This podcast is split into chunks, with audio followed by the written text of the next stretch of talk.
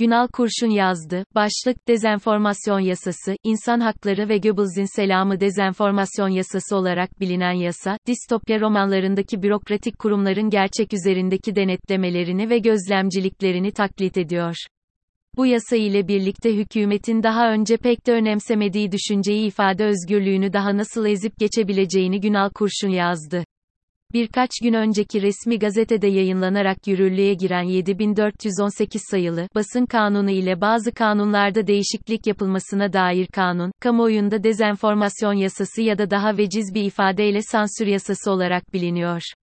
Kanun, siyasi iktidarın çok sevdiğini ve sıkça da kullandığını bildiğimiz torba yasa yöntemiyle yapılmış. Esasen böyle bir kanun yapım tekniği yok tabii, ancak işi kolaylaştırmayı, kestirmeden gitmeyi, gereksiz bir takım hukuki bürokrasiyle uğraşmamayı, şiar edinen, sonuç odaklı, iktidarımızın dünya hukuk literatürüne bu önemli katkısının değerini bilmek ve takdir etmek gerekir. Konuyla ilişkili ilişkisiz her türlü yasada değişiklik yapmak isteyen iktidarımız, önceden boş kağıdı imzasını topladıkları milletvekillerinin sanki o konuda bir iradeleri varmış gibi yapar, imzaların üzerine itinayla hazırlanan öneriyi iliştiriverir. Böylelikle de bir taşla çok kuş, bir değişiklikle çok kanun vurup düşürmüş olur. Buna da ne meclis başkanlığı ne de kanun yapımı ile ilgilenen bürokrasi itiraz edemez, zira her şeyde artık külliye imzası var, yeni değil, senelerdir böyle. Bu arada eski Başbakanlık Kanunlar ve Kararlar Genel Müdürlüğü'nün lağvedildiğini, kanunların külliyede kimler tarafından hazırlandığının aslında bilinmediğini de hatırlayalım. Yeni kanun, aslında, yalan haber, yaymayı engellemeyi amaçlıyor. En azından genel gerekçesinden benim anladığım bu. Sanki içinde yaşadığımız havuz medyası ortamında, ana akım medyanın bütünüyle iktidar tarafından kontrol edildiği, muhalif tek bir eleştirinin dahi yayınlanamadığı, televizyona çıkabilecek yorumcuların dahi onaya sunulduğu, böylesi bir medyanın da iktidarın her türlü eylem ve işlemini yalnızca övebildiği, dolayısıyla da iktidarın propaganda aracına dönüştüğü bir atmosferde, iktidara rağmen iktidara göre, yalan haber, yayabilmek kolaymış gibi yapmışlar. İktidar çevrelerine göre yalan haber yayabilen ya da böyle bir ihtimali bulunan yalnızca küçük ve hayatta kalmaya çalışan bazı basılı medya organlarıyla kimi internet siteleri kalmış durumda ve iktidarımız bu organların etkisinden çok çekindiği için olsa gerek bahsedilen kanunu çıkarmış durumda. Bu ahval ve şereit içinde, yeni yasaya göre basın kartı alabilmek daha da zorlaşmış, hoşa gitmeyen basın mensupları için neredeyse imkansız hale gelmiş durumda, çünkü kartı bir komisyon veriyor ve komisyonun neredeyse tüm üyeleri idare tarafından belirleniyor. Yapılan yeni düzenlemede komisyonun üyeleri için karmaşık bir belirleme süreci öngörülmüş gibi görünüyor, ancak neticede iktidarın öyle ya da böyle istemediği bir kişinin komisyona girebilme şansı yoka yakın. Çok uğraşmışlar, basın kartı komisyon üyelerini Sayın Cumhurbaşkanı atar diye yazsalardı işi kolaylaştırmış, kestirmeden giderek gereksiz bürokrasiyle uğraşmamış, son derece sonuç odaklı bir yaklaşımda bulunmuş olurlardı. Yazık, fırsat kaçmış. Böyle olunca bayağı hukuka uygun görünüyor halbuki. Hatta, kimin gazetecilik yapacağına da biz karar veririz, diye yazsalar, işin hukukunu etiğiyle birlikte tas tamam yerine getirmiş olurlardı diye düşünüyorum. Bahsetmeden geçmeyelim, basın kartının ne önemi var diye düşünebilirsiniz. Basın kartı olmayan kişiler artık gazeteci değiller, dolayısıyla da gazeteci olmayan, yalan haber yayma namzedi kıvamında bölücüler sayılmanın eşiğindeler.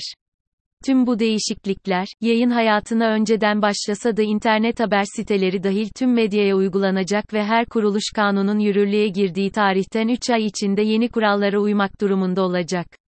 Özgür basının boğazına basmak yetmemiş olmalı ki, basın yayın organlarında çıkabilecek ilanların da ne şekilde verileceğine dair ayrıntılı ve son derece seçici bir yöntem belirlemesi de yeni yasayla yapılmış durumda. Böylelikle hayatta kalmayı sağlayan ilanların da hangi gazetelere gideceği bildirilmiş oluyor. Zaten boğazı sıkan eller azıcık gevşetilse, basının yaşaması için ancak yetebileceklerin soluğu alması beklenirken, bu kanunla büsbütün tıkanan o boğaz bakalım daha ne kadar dayanabilecek. Nokta. Sovyetler Birliği döneminde Komünist Parti'nin yayın organı olarak görev yapan Pravda ve İzvestiya gazeteleri için Rusların çok güzel bir deyişi vardı. Pravda'da gerçek, İzvestiya'da ise haber yoktur. Ne mutlu ki, bizim, gerçek haberleri okuyabileceğimiz özgür basınımız bu yasa ile taçlanmış durumda. Aslında bu yasayla, bana Pravda ve İzvestiya gibi gazeteler verin, savaşı kazanalım, diyen Nazi Propaganda Bakanı Goebbels'in selamı hepimize gönderilmiş oluyor, alın bu selamı efendim. Yeni yasanın, tüy diken, en önemli maddesini gözden geçirmeden olmaz, çünkü artık nur topu gibi yeni bir suçumuz da oldu. 5237 sayılı Türk Ceza Kanunu'na 217 A maddesi eklenerek halkı yanıltıcı bilgiyi alenen yayma suçu da tanımlanmış oldu. Buna göre, sırf halk arasında endişe, korku veya panik yaratmak ile ülkenin iç ve dış güvenliği, kamu düzeni ve genel sağlığı ile ilgili gerçeğe aykırı bir bilgiyi, kamu barışını bozmaya elverişli şekilde alenen yayan kimse, bir yıldan üç yıla kadar hapis cezası ile cezalandırılacak, failin suçu gerçek kimliğini gizleyerek veya bir örgütün faaliyeti çerçevesinde işlemesi halinde ise verilen ceza yarı oranında artırılacak. Sosyal medya hesabında gerçek adını ve soyadını kullanmayan herkes kapsamda mı, sırf halk arasında endişe, korku ve panik yaratmak sayki nasıl ispatlanacak veya kamu barışını bozmaya elverişlilik kriterinin unsurları, örneğin halkı kin ve düşmanlığa tahrik suçundakine benzer unsurlar mı gibi soruları daha teknik makalelere bırakalım. Peki, gerçeğe aykırılık nasıl belirlenecek? İşte sorunun esas düğümlendiği noktada burası. Bu gerçeği mahkemeler belirleyecek. Son seçimlerden önce iktidar partisi ilçe başkanı olarak görev yapan avukatın, listede yer bulamayınca hakim yapılarak sulh ceza hakimi olarak görevlendirildiği ya da Sayın Cumhurbaşkanına hitaben yazdığı şiiri Facebook hesabında yayınladığı için ticaret mahkemesi hakimi iken ağır ceza mahkemesi başkanı olarak atanana kişilerin görev yaptığı mahkemeler, neyin gerçek neyin yalan olduğunu karar verecekler. O şair Hakim Bey'in şu an Yargıtay üyesi olarak görev yaptığını da ekleyeyim. Hukukun, özelde ise ceza hukukunun özü belirliliktir. Suç tipi belirsiz olamaz, öyle olursa suçta ve cezada kanunilik, nullum crimen et nulla poena sine leş, kanunsuz suç ve ceza olmaz ilkesine aykırılık oluşur. Açık, seçik, net ifadelerle neyin suç sayıldığını önceden belirlemeniz gerekir. Gazetede yayınlanan bir haberin gerçek olup olmadığını ceza davası belirleyemez, zaman belirler. Gidip yerinde araştırmanız, görüşmeniz, çoğu zamanda sonucunu beklemeniz gerekir. Ancak bir süre sonra yayınlanan haberin gerçek olduğunun ortaya çıkabildiği onlarca örnek sayabilirim. O arada TCKM 217 A'dan ceza alan, cezasını yatıp çıkan gazetecilere de pardon denecek herhalde. Gerçekleri önemsiyorsanız, çoğulculuğu, insan haklarını, özellikle de ifade özgürlüğü ve eleştiri hakkını tam anlamıyla uygulatmanız gerekir. Farklı görüşlerin çarpışmasıyla toplum kendi görüşünü oluşturabilir, tez ve antitezin tartışılmasıyla kamuoyu kendi sentezine ulaşabilir. Bu temel diyalektik yöntemin uygulanamadığı her durum, aslında çoğulculuğun, ifade özgürlüğünün, eleştiri hakkının ve dolayısıyla insan haklarının ihlal edildiği anlamına gelir. Bu yasadan sonra, gerçeğe de yalnızca biz karar veririz, demeleri an meselesidir. Neyse ki demokratik bir ülkede yaşıyoruz da yeni yasayla bu suçtan mahkum olanlara temyiz hakkı tanınmış durumda. Şükretmesini de bilmek lazım. Şair hakimin görev yaptığı yargıtaya temyiz hakkı tanınması, nereden baksanız büyük demokratlık örneği gerçekten.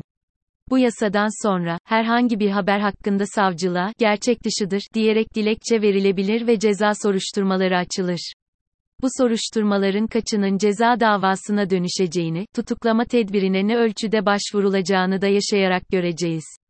Anayasa Mahkemesi, Cumhuriyet Halk Partisi'nin hafta başındaki anayasaya aykırılık ve yürütmenin durdurulması başvurusu üzerine özellikle ceza hükmü açısından ilk incelemesini önümüzdeki hafta gerçekleştirecek. Böylelikle de mahkemenin ne ölçüde yaşıyor taklidi yaptığını bir kere daha gözlemleyeceğiz. Dilerim mahkeme bu ilk incelemesinde azar yeme pahasına yürütmenin durdurulmasına karar verebilir de sıkılmış boğazlar azıcık nefes alır, Goebbels'in manevi hatırası da daha fazla yücelmez.